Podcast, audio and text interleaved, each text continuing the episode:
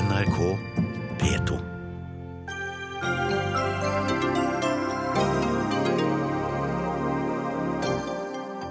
Johaug tatt for doping. Hva skjer nå med norsk skisport? Bob Dylan har åpnet et nytt rom i litteraturen, sier artist Anne Grete Preus om dagens nobelprisvinner. Men langt fra alle jubler. En trist tildeling, mener professor. Millionutbytte til konsulenter over bistandsbudsjettet og ekspressbehandling av søknader uten anbudsrunder. Nå skal Utenriksdepartementet granske seg selv. Men hvorfor var ikke ministeren klar over hva som foregikk?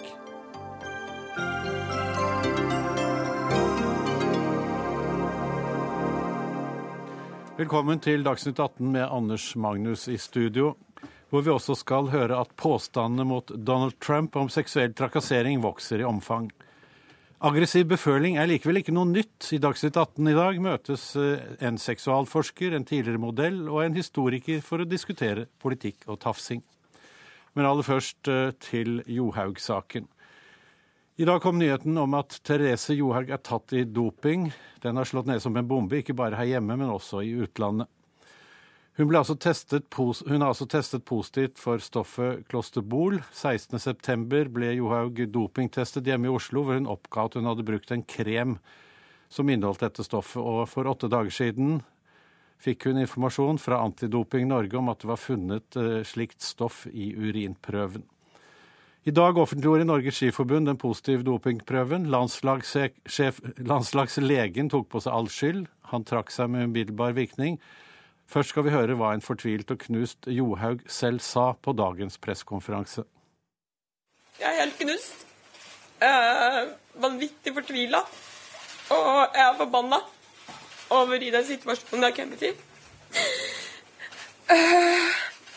Det fins ikke ord som beskriver hvor jævlig jeg hadde ei uke nå. Jeg vil fortelle alle sammen hva som har skjedd. Og jeg skal sitte her rakrygga og fortelle alt. For jeg har null skyld i den saken her. Jeg fikk en krem av Fredrik for å behandle ei solbrent leppe.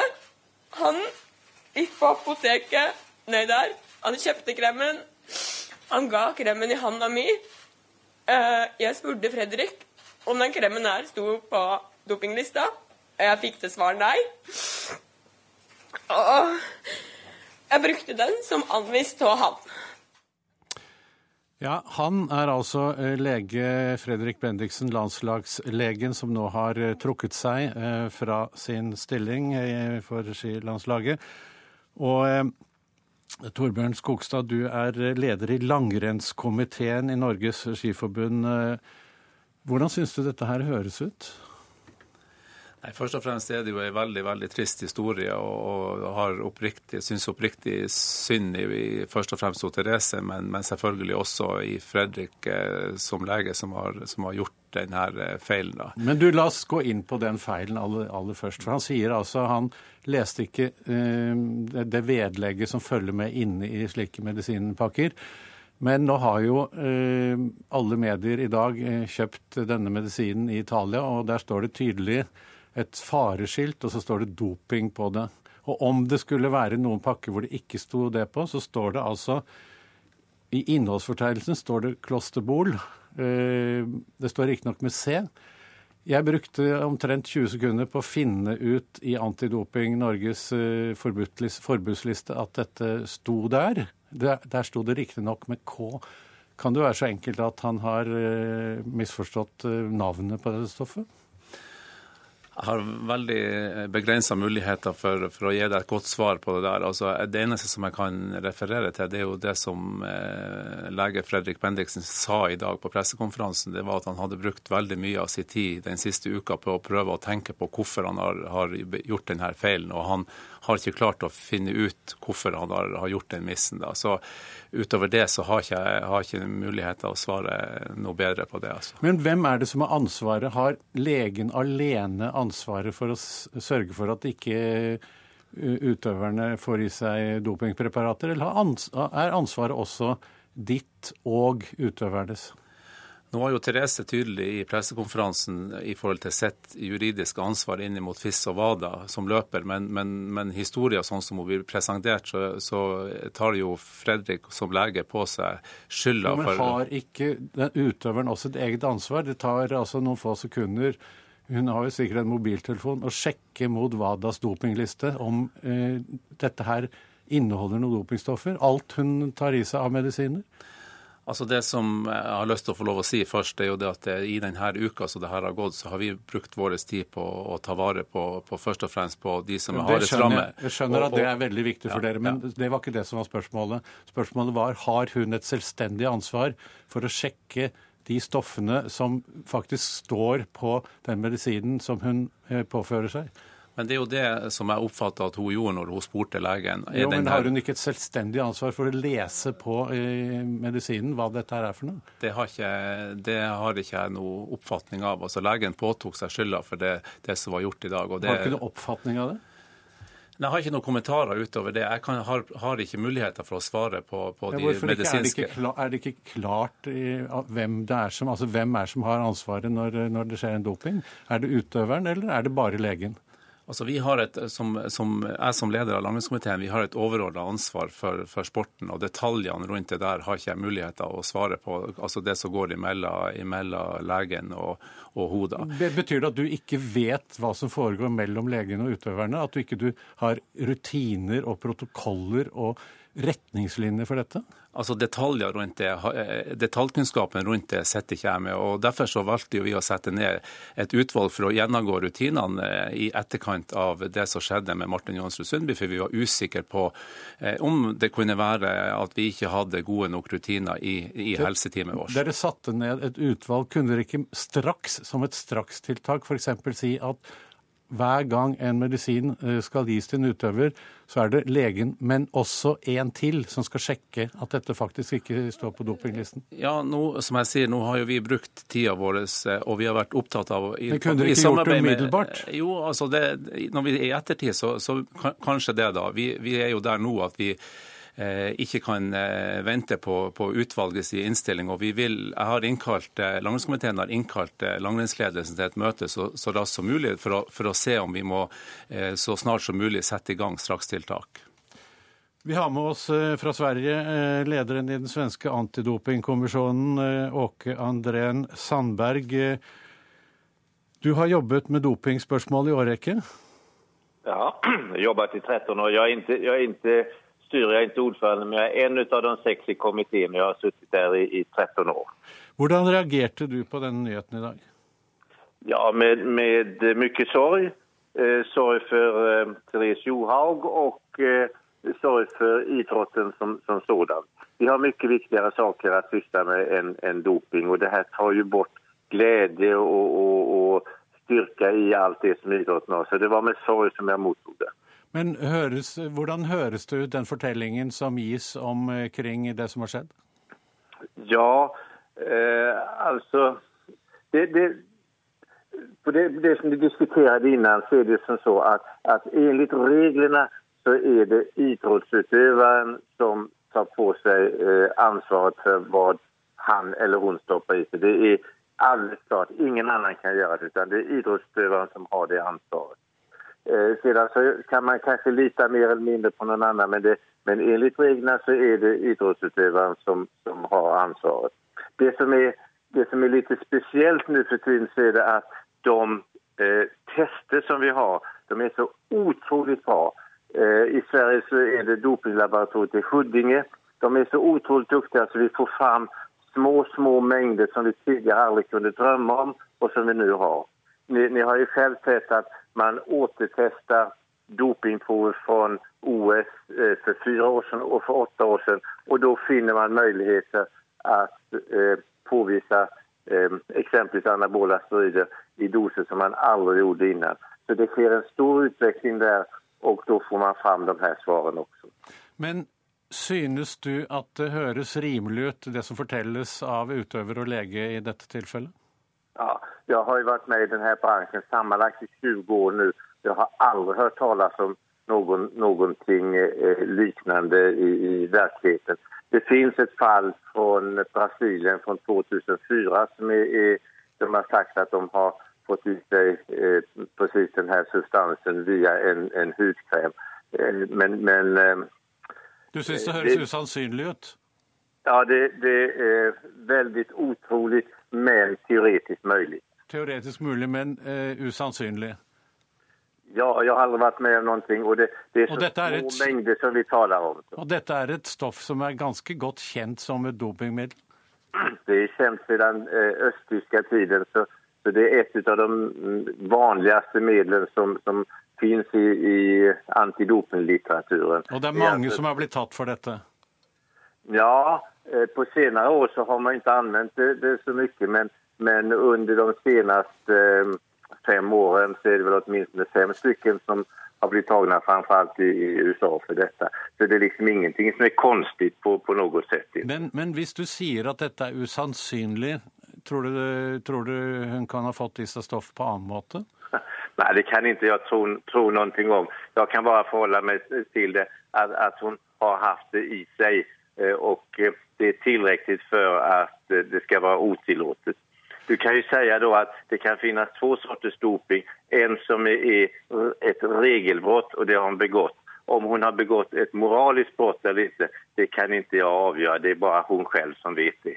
Nå skal vi høre hva eh, legen Fredrik Bendiksen, som altså ikke kunne komme hit, sa eh, på pressekonferansen i dag. Da spør Therese meg eh, er denne kremen grei å bruke. Underforstått den, eh, er den i konflikt med, eh, med antidopingreglementet. Eh, og det svarte jeg nei, det er den ikke, denne kan du bruke.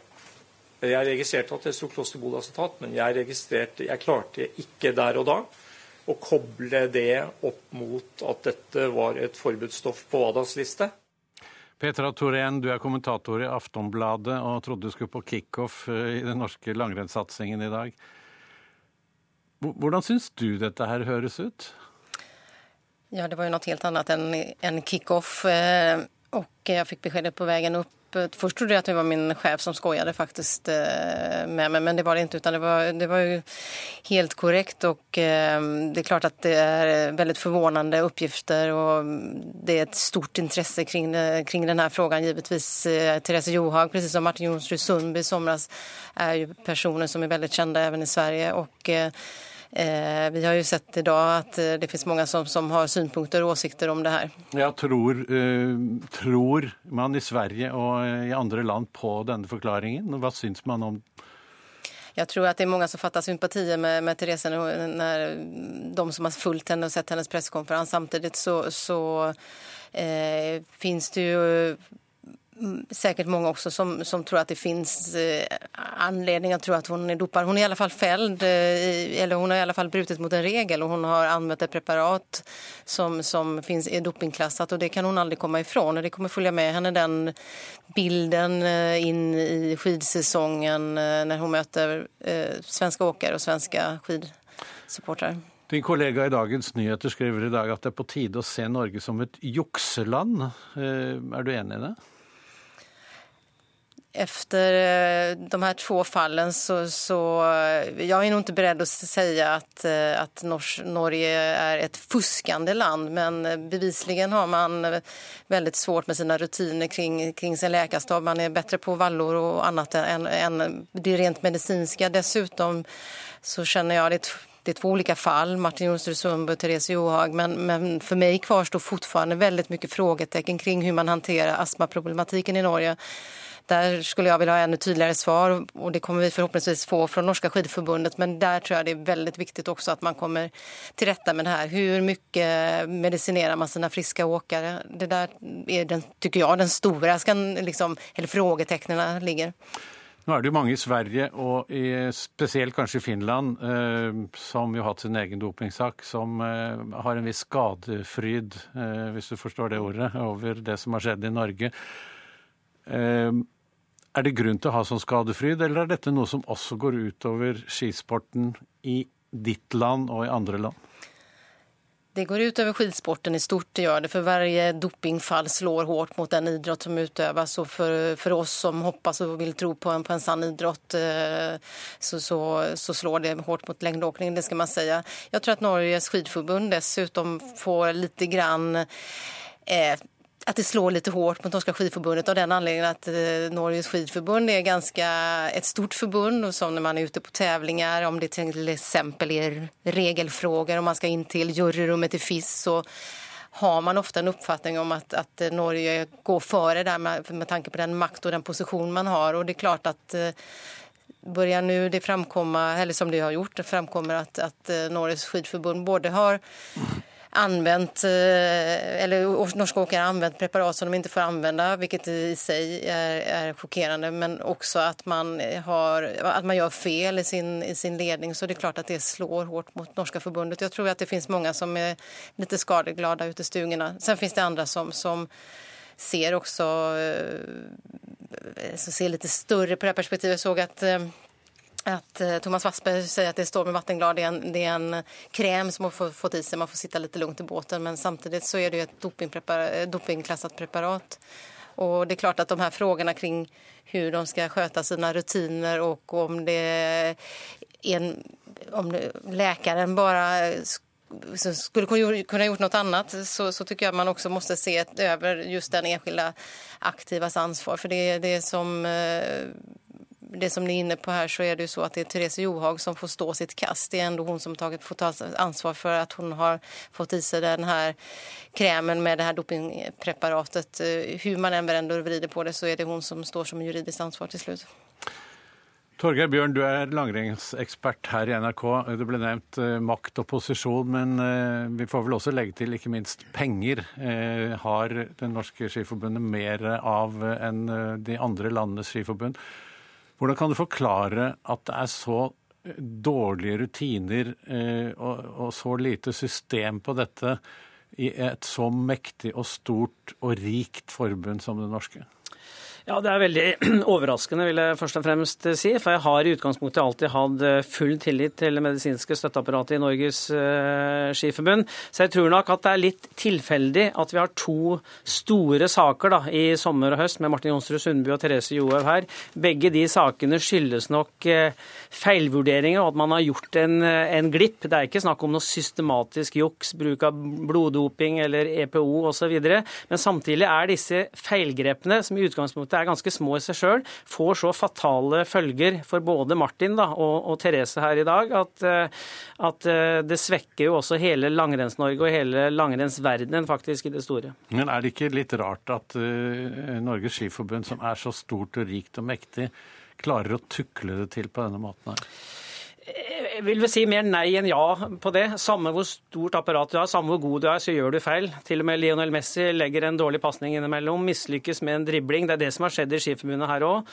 Men samtidig Men det er jo noe med rutiner også. Det er bare én altså, Det er jo uh, bare én person som får ansvar for dette her. Det er ingen andre kontrollinstanser inne i bildet. Nei, og det tror jeg er viktig at Skiforbundet tar tak i, som, eh, som eh, min mann ved siden av er inne på her også. At man endrer de rutinene, eller kvalitetssikrer det mer. For det er ikke noe tvil om at norsk langrenn kan ikke leve med å få flere saker nå. Vi har hatt egentlig to for mye. Vi tåler ingen flere nå hvis Norge skal ha noe troverdig omdømme internasjonalt sett. Samme hvor godt vi kjenner til det norske systemet og utgangspunktet har tro på det, så vil omverdenen se på Norge i et helt annet lys. Åke André Sandberg, du som er med oss eh, fra Sverige. Eh, I to tilfeller her så har altså Skiforbundet lagt ansvaret på legen. Går det an å gjøre det? Eh, moraliskt kan det lägga stort ansvar på, på läkaren och jag det är otroligt dåligt skött. Jag kan inte, jag kan inte förstå att någon som, som eh, säger sig vara, vara expert inte läser på burken vad det står för någonting. Det, det är katastrofalt dåligt. Men det som är, är stora problemet är att hur dålig doktorn än är så är det alltid utövaren som, som får ta straffet. Da må vi spørre deg, eh, Skogstad. Hva skjer med Therese Johaug hvis hun eh, blir eh, felt i antidoping i Norge? Ja, nå er jo først sånn at Saken er jo i prosess i Antidoping Norge. og, og Både Therese og Fredrik avga sin forklaring der på tirsdag. og Så vil, har jeg forstått det sånn at det kan ta to-tre uker for at det, kommer en dom. da. Der. Og, og, Men nå har vi fått avklart at det er Therese Johaug som har ansvaret. Ja, men, men vi vet kan ikke skyve det over til legen. Nei, men vi vet uansett ikke utfallet av det, altså, altså hva, hva, det vil bety altså, i, i dette tilfellet. Altså, det, som jeg, som, eh, altså, jeg, forstår at det fortsatt er muligheter for at, eh, at hun kan gå skyldfri ut av det, men, men jeg har også forstått at alternativet er, er ett års utestengelse. Altså. Tror du ikke at det blir reagert veldig kraftig på det i utlandet hvis hun går ut skyldfri? Ja, nå er jo det der i så fall noe som kan ankes av WADA, og, og de instansene der det er jo ikke noe som vi har påvirkning på i det hele tatt. Nå skal norske utøvere snart ut i en ny sesong. Hvordan tror du dette påvirker Norges omdømme? Nei, det er klart at Vi er jo inne, vi, vi har jo allerede slitt før denne saken kom, basert på de, de tingene som går inn mot astma og den problematikken der. og og, og, og, sånn sett var det jo på et verst mulig tidspunkt, iallfall for oss, at det her kommer. Og, og eh, Min bekymring når det gjelder omdømme, er kanskje først og fremst ut imot eh, de tusener som jobber i klubb og krets frivillig. Altså Den dagen de begynner å miste trua på det vi holder på, og ikke orker å gjøre den jobben med å trene eh, unge utøvere og kjøre løype og sånn, så vil også toppidretten dø.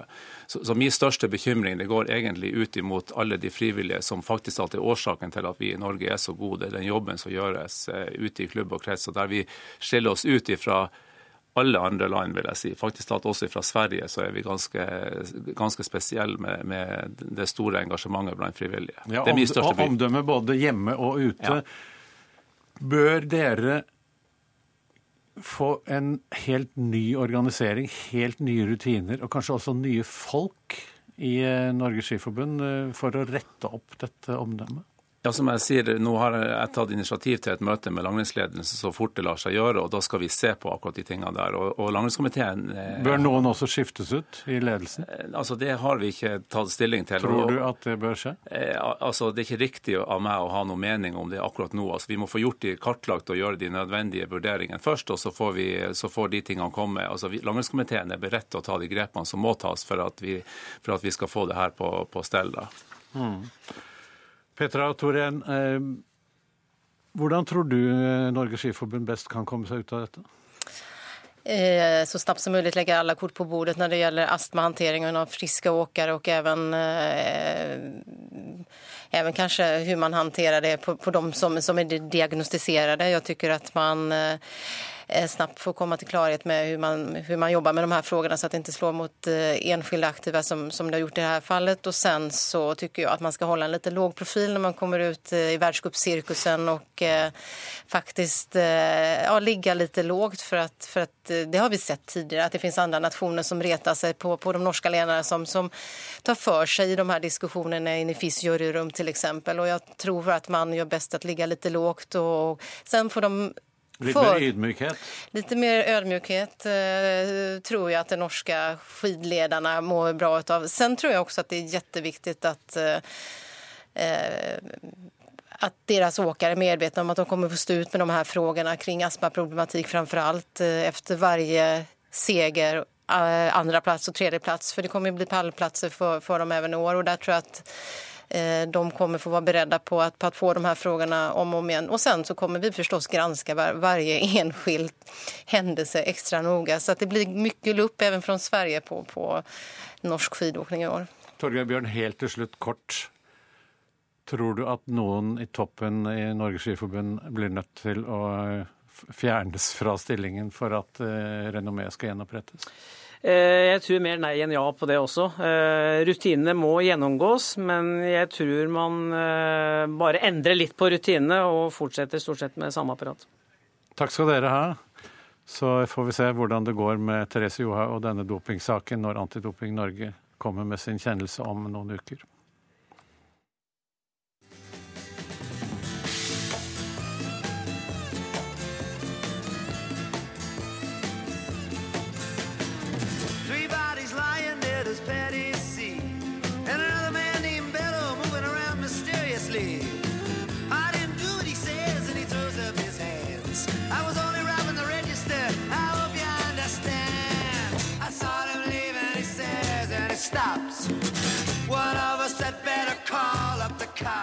Vi hører 'Hurricane' med Bob Dylan. Det er altså historien om eh, denne fangen som ble uskyldig dømt for eh, drap, som eh, kanskje bl.a. denne sangen bidro til å endre skjebnen til. Bob Dylan har, har altså fått årets nobelpris i litteratur for å ha skapt nye poetiske uttrykk innen den amerikanske sangtradisjonen. Anne Grete Preus, du er låtskriver og musiker og eh, Bob Dylan-fan. Eh, Har han gjort det? Ja, det syns jeg er et klart ja på det spørsmålet. Så du syns det er en fortjent nobelpris? Ja, jeg Reservasjonen min er jo at jeg kjenner ikke det store litterære feltet.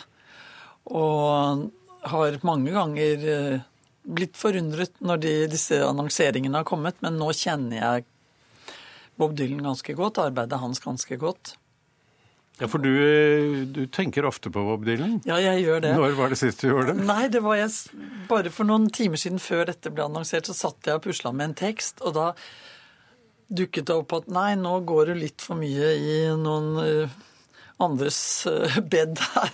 Og, så, og da var det Dylan jeg liksom Ja, altså det er en referanse for meg, og det tror jeg det er den jo for alle låtskrivere, om vi vil eller ei, og om vi anerkjenner han eller ikke. Fordi det han gjorde da, kom fra folkemusikken og inn i da eh, populærmusikk i, i New York, som er, han sier er byen som har formet hans skjebne. Så kommer han der på slutten av 50-tallet, begynnelsen av 60-tallet, hvor den amerikanske eh, ja, Det som var på radio, var ganske kjedelig, som han sier i sin egen selvbiografi. Og han, eh, sammen med andre, eh, som The Who eller Rolling Stones for den saks skyld, fikk vitalisert det som ble spilt på radio, og det resonnerte mer med hele verden, egentlig. Og der, Dylan var jo tidlig ute med, med store kanskje slagere som ikke var han som fremførte, altså sånn som 'Blowing in the Wind', som var mer kjent med Peter Paul and Mary, ikke sant? Men han har vært der nå altså i 50 år og skrevet ting som er relevant og er interessant. Og for mitt vedkommende så fortsetter det egentlig bare å vokse jo mer jeg blir interessert i visdomstekstene som fins i Bibelen og i hele vår vestlige kanon, egentlig. Så er Vi skal ha også med oss Tor Egil Førland. Du er historieprofessor ved Universitetet i Oslo. Du, du sier du er glad i Dylan, har skrevet om han. Eh, Hva syns du om at han får eh, nobelpris i litteratur? Nei, jeg syns det er trist. Um, og som du sier, jeg er veldig glad i Dylan, men eh, Og de må for så vidt gi prisen til, til hvem de vil. Eh, det triste er ikke at han får prisen, men det er at han kommer til å ta den imot. Og ved å ta imot eh, litteraturprisen, så anerkjenner han at juryen har kompetanse til å vurdere det han holder på med. Og det har de ikke. Dette er en jury som vurderer litteratur, og Dylan driver en helt annen sport. Dylan er for å si det sånn, Dylan er ishockeyspiller, eh, og juryen er en kunstløpjury. Og da blir det bare tull. Det blir bare tull. Dette er bare tull, altså. Ja, De skjønner ikke hva han driver med, fordi det er en jury som driver med helt andre ting. Det en Hvorfor, hvorfor tror du de har gitt den til han? Bare for å være morsomme og populære? Nei, de har vel merka presset gjennom lang tid, vil jeg tro. Og jeg, jeg mener ikke at det ikke er litterat, litterære kvaliteter i tekstene hans, for all del. Det er masse litterære kvaliteter i tekstene. Men det er tekst kobla med musikk. Men er ikke som dette å åpne er det et- spesielle? åpne et nytt rom for definisjon av litteratur. Altså Det orale har jo alltid vært litteratur. Det, til å begynne med fantes det jo ikke bøker. Nei da, eh, men dette er jo ikke primært eh, snakka tekster. Dette er sang og Mm. sangtekster. Og det er musikk, og du kan ikke ta vekk musikken fra Dylan eh, og skjønne hva Dylan er for noe. Vi har også med oss Leif Ekle, litteraturkritiker i NRK. Åpner dette for at også rappartister kan få nobelpris i litteratur? I prinsippet så gjør det vel det. Eh, den Bør de få det? Ikke foreløpig. Eh, Det fins jo noen fantastiske tekster der også, litterært også. Men du syns dette er greit? Eh, Ja, og det syns jeg. Altså Når det først har skjedd, når Dylan først har fått denne, så syns jeg det er moro. Eh, Og det er fordi jeg er Dylan-fan sjøl og har vært det i en 50 års tid. Jo, men det kan man ikke ta hensyn til når man Nei, tenker nei, men altså, det er min begrunnelse for å synes at det er moro. Det har med det å gjøre. Men jeg har jo lenge også vært med i noen diskusjoner om hvorvidt han bør få den. Og har jo nesten skaffa meg personlige fiender når jeg har sagt at jeg ikke forstår hvorfor det er så viktig at Bob Dylan får denne her. Fordi eh, nettopp eh, koblingen mellom tekst og musikk er så viktig. Men når det er sagt igjen, så finnes det jo ikke minst altså, midt på 60-tallet, disse tre platene, Highway 61, uh, Bring It All Back Home og Blond on Blond, ikke minst, så er det jo tekster der hvor begrunnelsen til komiteen holder vann. Altså, han har brakt nytt poetisk innhold og uttrykk inn i den amerikanske sangtradisjonen, og, det er jo udiskutabelt. Innholdet fantes der kanskje før, altså i form av absurdisme, i form av surrealisme osv. Eh, men eh, Dylan dro det veldig langt og har gjort noen helt unike tekster, særlig i den perioden. Så, så på det planet så syns jeg det er helt greit at en får den for litteratur. Og det er vel ikke så stor forskjell på dikt og sangtekster? Nei, det er riktig. ikke sant? Eh, Det går jo ofte andre veien også, at dikt blir til sang. Eh, Og, så, så jeg har ikke noe problem med For dikt er litteratur, det er vi enige om. Ja, det er vi enige om. Ja. Og, men, du, en annen ting. Når Dylan nå får denne, så går jo liksom litteraturprisen til Amerika. Og Endelig, liksom. den, eh, den kan ikke gå for ofte til Amerika heller. Nei, nå er det og lenge da er det noen som ikke får, er det ikke det? Jo, altså, tenkte på det før i dag. Altså at En konsekvens av dette, eh, enten de nå har latt seg påvirke, eller, og det er et viktig poeng, altså, det kan være at de ønsker å utvide feltet som skal, litteraturprisen skal dekke. Aleksejevitsj i fjor, ikke sant, med sakprosa med sterke litterære innslett, som, eh, og, og Dylan nå, da. Sang, muntlig tradisjon osv. Men, men en konsekvens av det er nok at eh, de har vært veldig forsiktige med å gi den til amerikanere eh, lenge nå. En, en konsekvens er at verken dette er kanskje ikke sant, nødvendigvis, men sannsynlig at verken Cormac McCarthy, Thomas Pynchon, Don DeLillo eller Philip Roth kommer til å få litteraturprisen. Og det er du litt lei deg for? Ja, det er jeg lei meg for. Jeg har ment lenge at Philip Roth bør få den, f.eks. Mm. Er det det samme, Har du litt av den samme begrunnelsen, føler jeg? Nei, det plager for så vidt ikke meg at disse ikke får den. Det som plager meg, er at Dylan ved å ta imot prisen kommer til å gi et eh, anerkjennende stempel til Nobelpriskomiteen for at de kan vurdere eh, det han driver med. Mm. Du- Eh, du og er- det, en måte han, litt- De kan ikke vurdere det. Det er du og meg og Det er vi som kan det er vurdere som det. kan vurdere det. Så du, er litt, du mener at de er, du, de er inne og gjør noe de ikke egentlig har anledning til? Ja, de viser altså, For de, har- skal drive de med elitistisk litteratur, det er ikke folkelig og populær de, de viser litteratur? gjennom det de sier at de har egentlig ikke peiling på Dylan. Altså, de trekker frem Tarantula, de trekker frem Chronicles, altså hans to bøker. Skikkelig dårlige ting hvis man vurderer de som bøker. De er interessante for oss som er veldig opptatt av Dylan. Eh, Men for folk som ikke er opptatt av Dylan, så er dette bortimot verdiløst.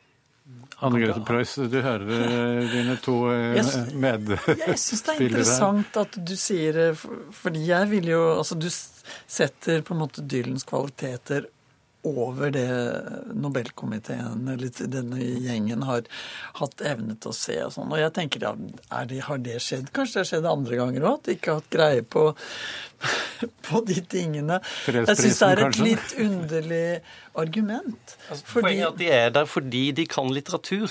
De er der ikke, altså Det er derfor de er ja, i juryen. De det, er der da? ikke fordi de kan musikk eller fordi de kan sang. Ja, Hva er begrunnelsen for det? På en, altså, er det fordi de, vi vet at de er veldig gamle? At de ikke har muligheten til å ha greie på dette? Altså, vi er altså ganske er gamle, det er fordi kriteriene man selekteres inn i eh, litteraturkomiteen, Ja. i juryen der. Det er ikke fordi man har peiling på musikk, men det er fordi man har peiling på litteratur. Og jeg anerkjenner at de har peiling på litteratur.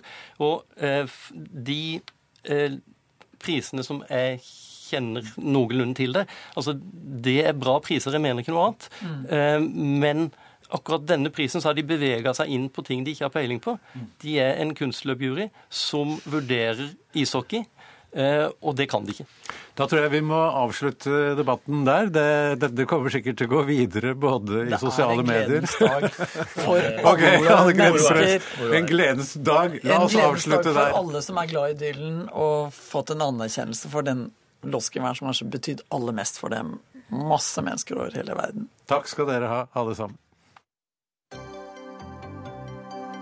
Dagsnytt 18 alle hverdager kl 18.00 på NRK P2 og NRK2.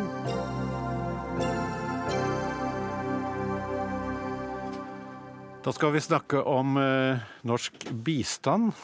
Utenriksdepartementet trengte bare to arbeidsdager på å behandle en søknad på 7 millioner kroner i støtte til selskapet International Law and Policy Institute, ILPI.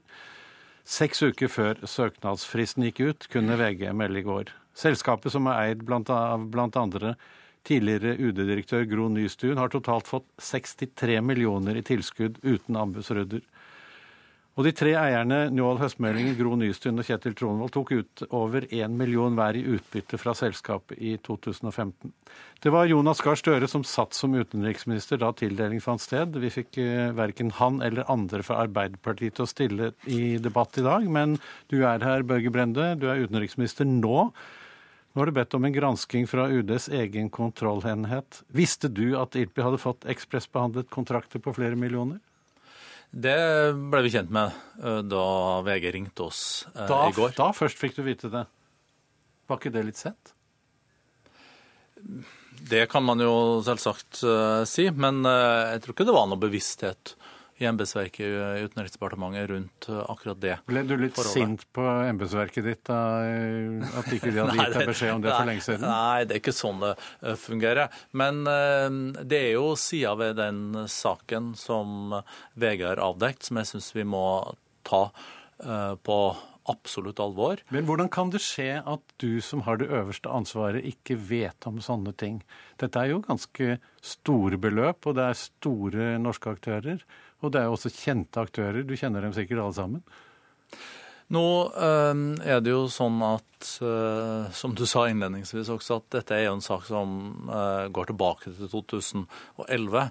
Så det er jo ikke en sak som jeg kjenner som Men burde, sådan. burde de ha gitt deg Burde du ha fått informasjonen om den da du overtok?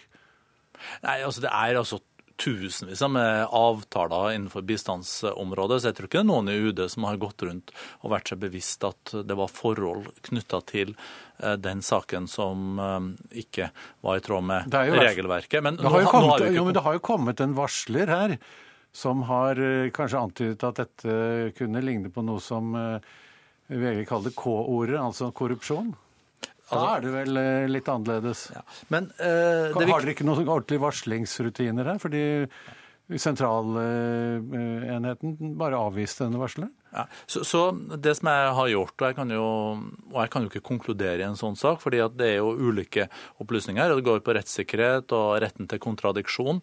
Eh, Men nå eh, så har jeg iallfall bestemt at eh, denne saken skal gjennomgås på en grundig måte av sentral eh, kontrollenhet, og den Vurderinga skal inneholde de tingene som har kommet frem eh, i VG. Og så er det jo ulike versjoner av eh, dette også. Eh, Så alle må få komme til orde, og så må de komme med en gjennomgang. Men det som er viktig Men en, ting her som er viktig, det er jo at din egen kontrollenhet har skrevet at disse tildelingene er relasjonsbaserte. I forrige uke så kunne ikke din kommunikasjonssjef svare her på Dagsnytt 18 hva en relasjonsbasert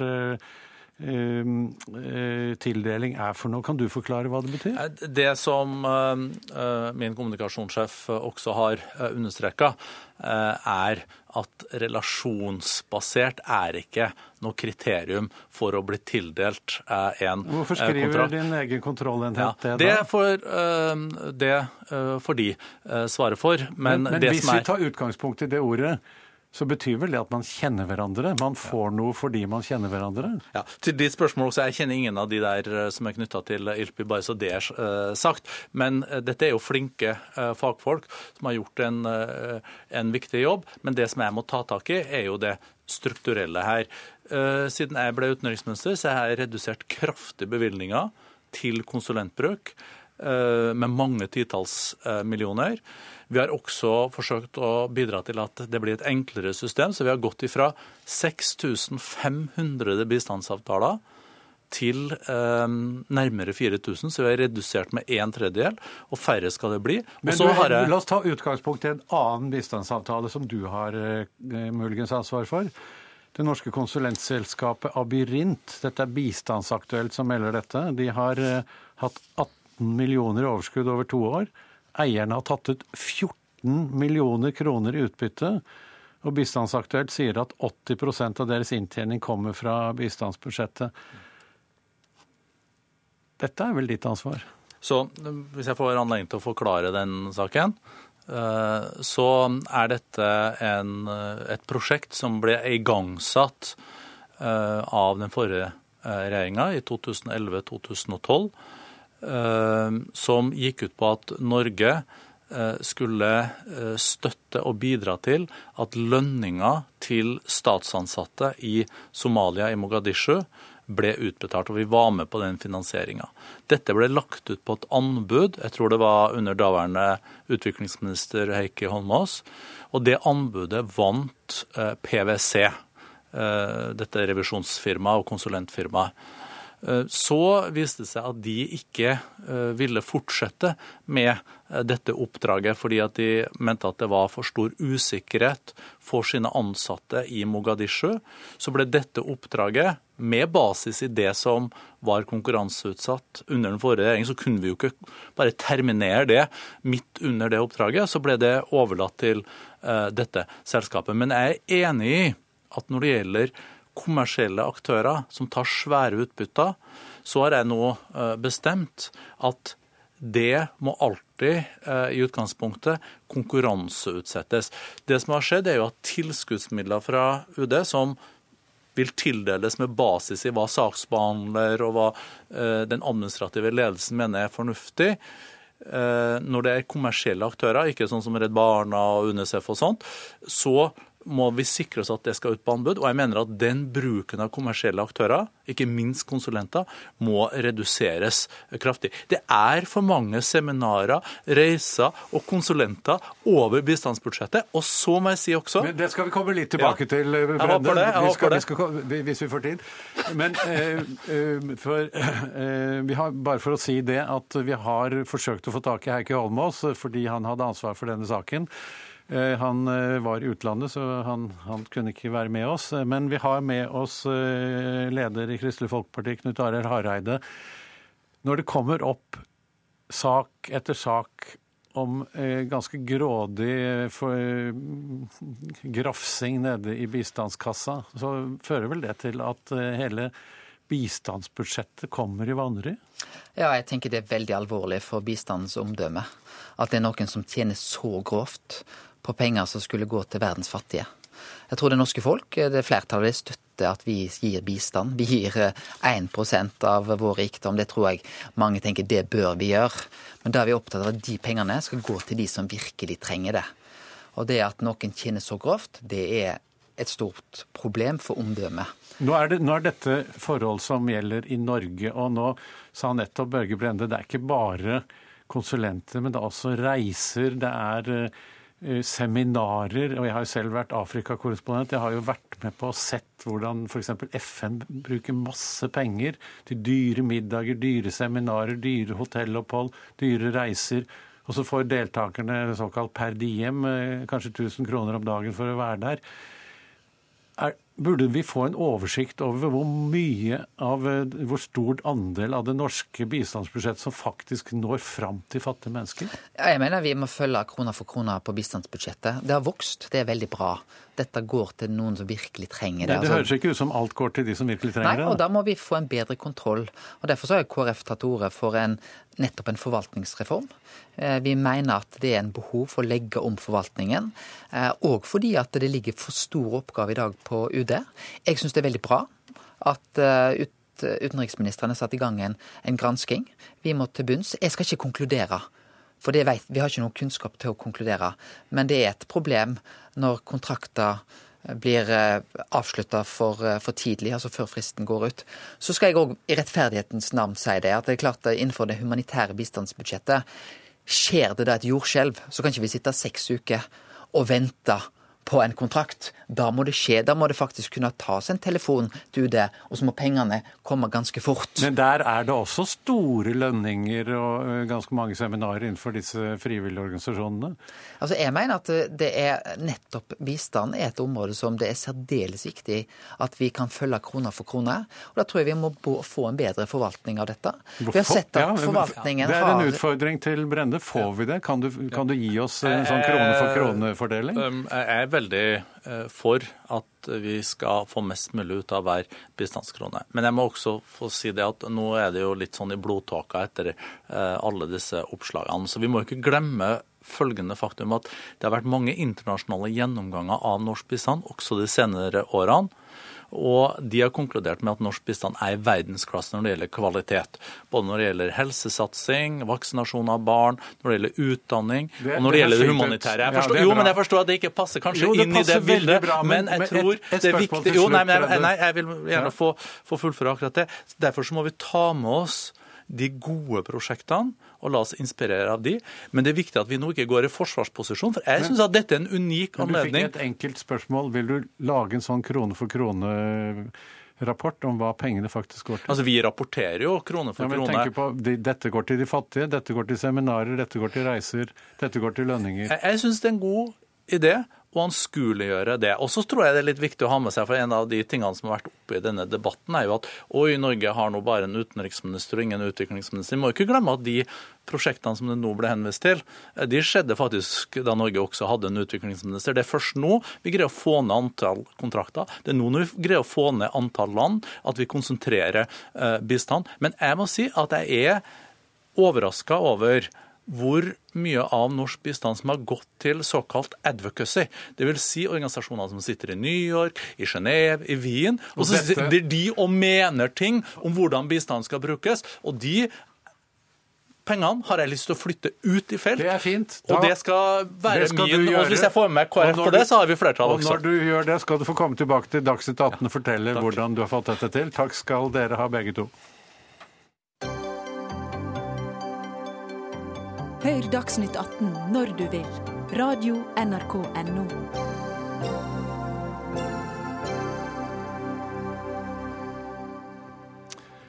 Det har skjedd eh, veldig mye i dag. Eh, Blant annet så døde kongen eh, i Thailand, eh, 88 år gammel. Folket sørger, men dødsfallet kan få store politiske ringvirkninger i landet, hvor de militære tok makten i et kupp for to år siden. Kong eh, Pomipon eh, Adunjadeh eh, var verdens lengst regjerende monark, 70 år og 126 dager. Da han i dag døde på Sirira-hospitalet i Bangkok. Og Stein Tønneson, du er altså ekspert fra Fredsforskningsinstituttet PRIO, direkte kommet hjem fra, fra Kina i dag, så du har kanskje litt jetlag. Det er svært strenge lover i Thailand om fornærmelse mot kongen og hans familie. Eh, Dette er lover som vår korrespondent eh, Peter Svaar sier han må passe nøye på når han rapporterer fra Thailand, men er du også omfattet av den loven? Jeg føler nok også at jeg må passe meg der, og særlig på en dag som denne, hvor jeg gjerne vil eh, støtte opp om kondolansene til det thailandske folket. For det har vært en meget avholdt konge i store, store deler av befolkningen. Men da må vi komme til han som eh, nå har overtatt. Hvem er det? Ja, det er altså prins Maha Vijiralongkorn, som eh, som det nå majestetsfornærmelsesloven vil gjelde. Så nå blir det enda mye vanskeligere for thaier å ikke bryte den loven. Kan, hva vil du si om han da, hvis du skal eh, være så forsiktig? Ja, jeg vil ikke si mye om det, eh, om ham i det hele tatt, men eh, egentlig bare henvise til eh, nettet og google, så kan man se selv der. Men han er jeg kan si veldig- så mye som at mange i kongens nærhet har betraktet ham som å være uegnet, og har i lang tid lett etter andre et måter å få en annen kandidat på. Men han var kongens eneste sønn, og det er kongen som selv bestemmer hvem som skal være hans etterfølger. Og kong Rama 9., altså Bumibul Aduladeh, som han heter som personnavn, har valgt sin sønn, som nå da blir konge. Eh, Du sa at eh, man hadde prøvd å, velge, å finne en annen, men eh, kan vi si at han ikke har vært like populær, og hvorfor ikke det? Han er sterkt, sterkt upopulær pga. sin levemåte og væremåte. Og øh, håpet er jo nå at han vil vise andre sider av seg selv når han kommer i den posisjonen han har. Han kommer dessuten i en posisjon som er mektig. Altså, dette er ikke noen konge som ikke har mye makt. Det er en konge som har makt på linje med norske kongene på 1800-tallet. Øh, som sitter med store verdier kongens eiendommer anslås til å være verdt en 40-50 milliarder dollar, og det er helt utenom statsbudsjettet og kontrollen, demokratisk kontroll. Så er det også det at han blir jo nå konge på et tidspunkt hvor det er en militærjunta som styrer. Så det er ikke vanlig demokratisk styre. Hvordan er forholdet mellom han og militærjuntaen? Ja, eh, militærjuntaen har eh, vært klar over at han ville bli kongens etterfølger en stund.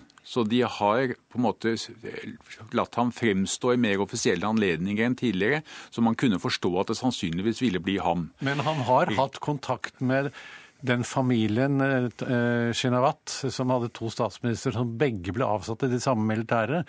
Så er de militære nå litt redde for sin posisjon? Det kan de ha vært. Og eh, det kan også være at noen av tilhengerne til Taksin Shinawatra, som altså er i eksil, og som nok gjerne vil vende tilbake, helt sikkert gjerne vil vende tilbake, det kan være at noen av de håper på at den nye kongen nå skal eh, la Taksin Shinawatra komme tilbake. Det vil ikke de militære ønske, og det ønsket nok ikke den avgåtte kongen. Men det kan fort bli sånn at folk blir skuffet hvis han ikke gjør det. Hvis han nå samarbeider med militærjuntaen i stedet. Mm. Tror du det kan bli nye opprør da? Det kan godt bli opprør framover, sannsynligvis ikke nå i begynnelsen. og Jeg vil tro at eh, sørge, sørgehøytidelighetene vil eh, bli organisert på en verdig måte. Men det er bestemt at sorgen skal vare et helt år. Det vil sannsynligvis føre til at de valgene som skulle være neste år, blir utsatt, kanskje til 2018. Og så går det ikke så bra med thailandsk økonomi, og misnøyen med militærstyret begynner å øke. Så hvis du i tillegg får en konge som begynner å gjøre noe som folk ikke liker, så kan det fort bli uro. Tusen takk skal du ha, Stein Tønneson.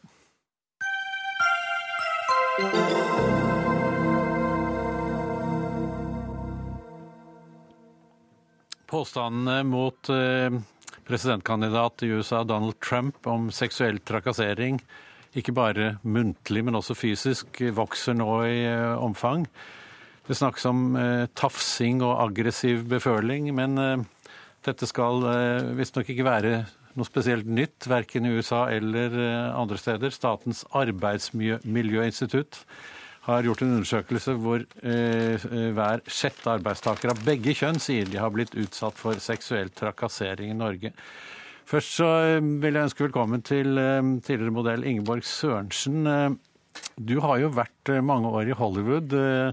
Har du blitt utsatt for tafsing eller trakassering av den type som Trump nå beskyldes for? Ja, altså det øyeblikket du sitter i en, en, i en maktposisjon, være head av studioer eller så Altså, penger er makt. Men jeg har slått igjen. Hva gjør de, hva gjør de da? Nei, altså, Når det kommer da til Hollywood, da, for å si det slik Jeg bodde jo lenger i New York. Uh, så uh, du er inne på intervjuer, du er på cattle calls, du prøver jo å få jobb i bransjen. Og når du sitter i en maktposisjon, så kan du veldig ofte få fornærmende kommentarer. Og jeg har fika til en, jeg, og slengt døren i, rett i ansiktet på en. Så, er, det, er, det, kommentarer, eller har de forsøkt seg fysisk på det også? Kommentarer. Og i de dagene så var jo mange av disse stalettene eh, gjorde jo og fulgte jo det de fikk beskjed om, for de trodde det skulle bli stjerner. Så jeg tror hvorfor jeg klarte meg så bra, var jo nettopp fordi at jeg reagerte tilbake. Og jeg fikk veldig mye respekt for en som jeg fika til. Så kom ikke her, altså. Så... Du har også vært i mange selskaper hvor eh, Donald Trump var med. Hvordan ble, var han godt likt? Nei, med hans arroganse og nedlatenhet. Eh, en av mine beste venner i New York eh, var jo en av Ivana og Donalds bestevenner. Og de blir jo så skikkelig forbannet på hans oppførsel at de trakk seg fra vennskapet og ville ikke ha noe med han å gjøre. Så, Men du sier han var mislikt? Ja, Han var så i disse selskapene Jeg kjenner jo han ikke privat, altså. Han var jo en av mange i selskaper, men jeg så jo hans væremåte. og og den var veldig, veldig negativ. Han Men allikevel så flokket folk seg rundt ham?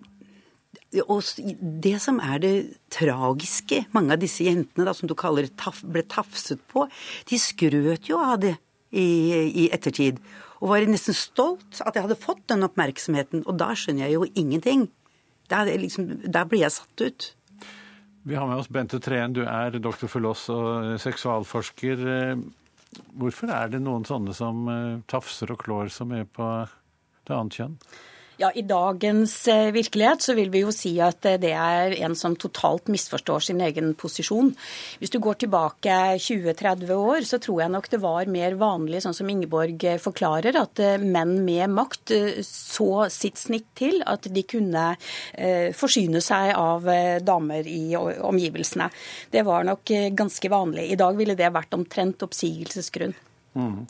Så er dette handler ikke om seksualitet, men om maktbruk, er det det du sier? Ja, jeg vil si at det handler ikke om seksualitet sånn som vi normalt sett definerer og tenker på seksualitet. Dette er en form for en krenkelse gjort mot et annet individ. Mm.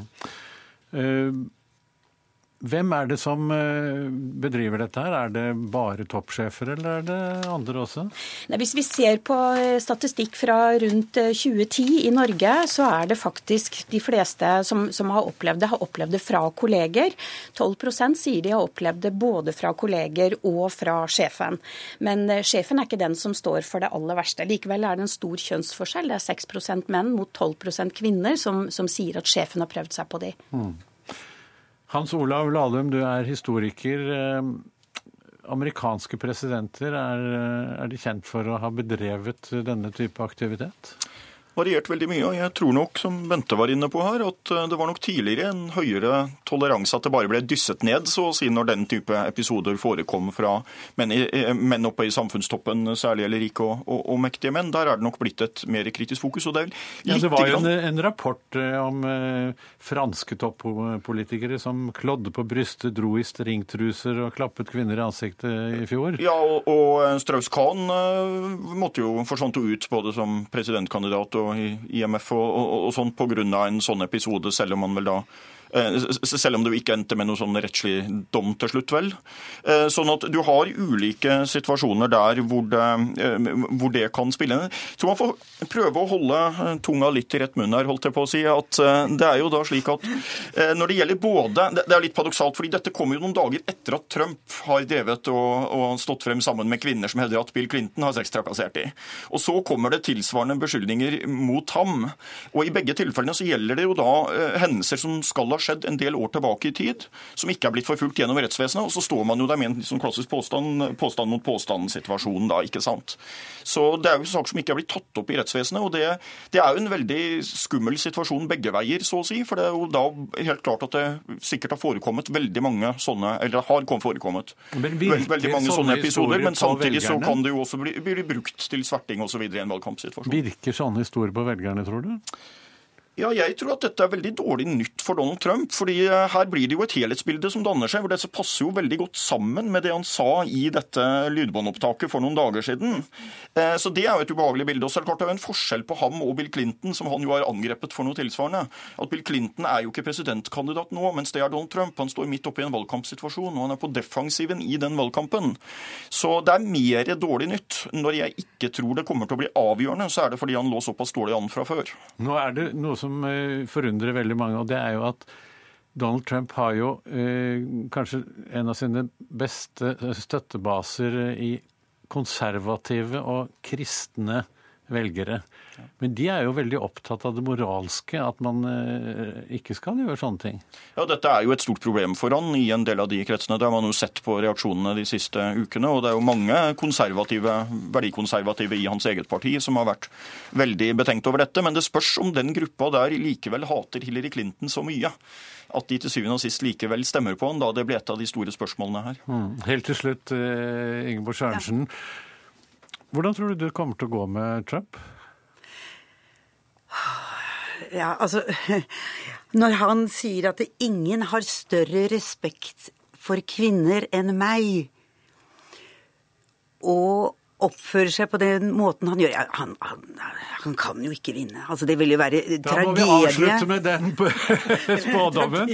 Ansvarlig for denne sendingen var Gjermund Jappé, teknisk ansvarlig Lisbeth Sellereite, og jeg heter Anders Magnus.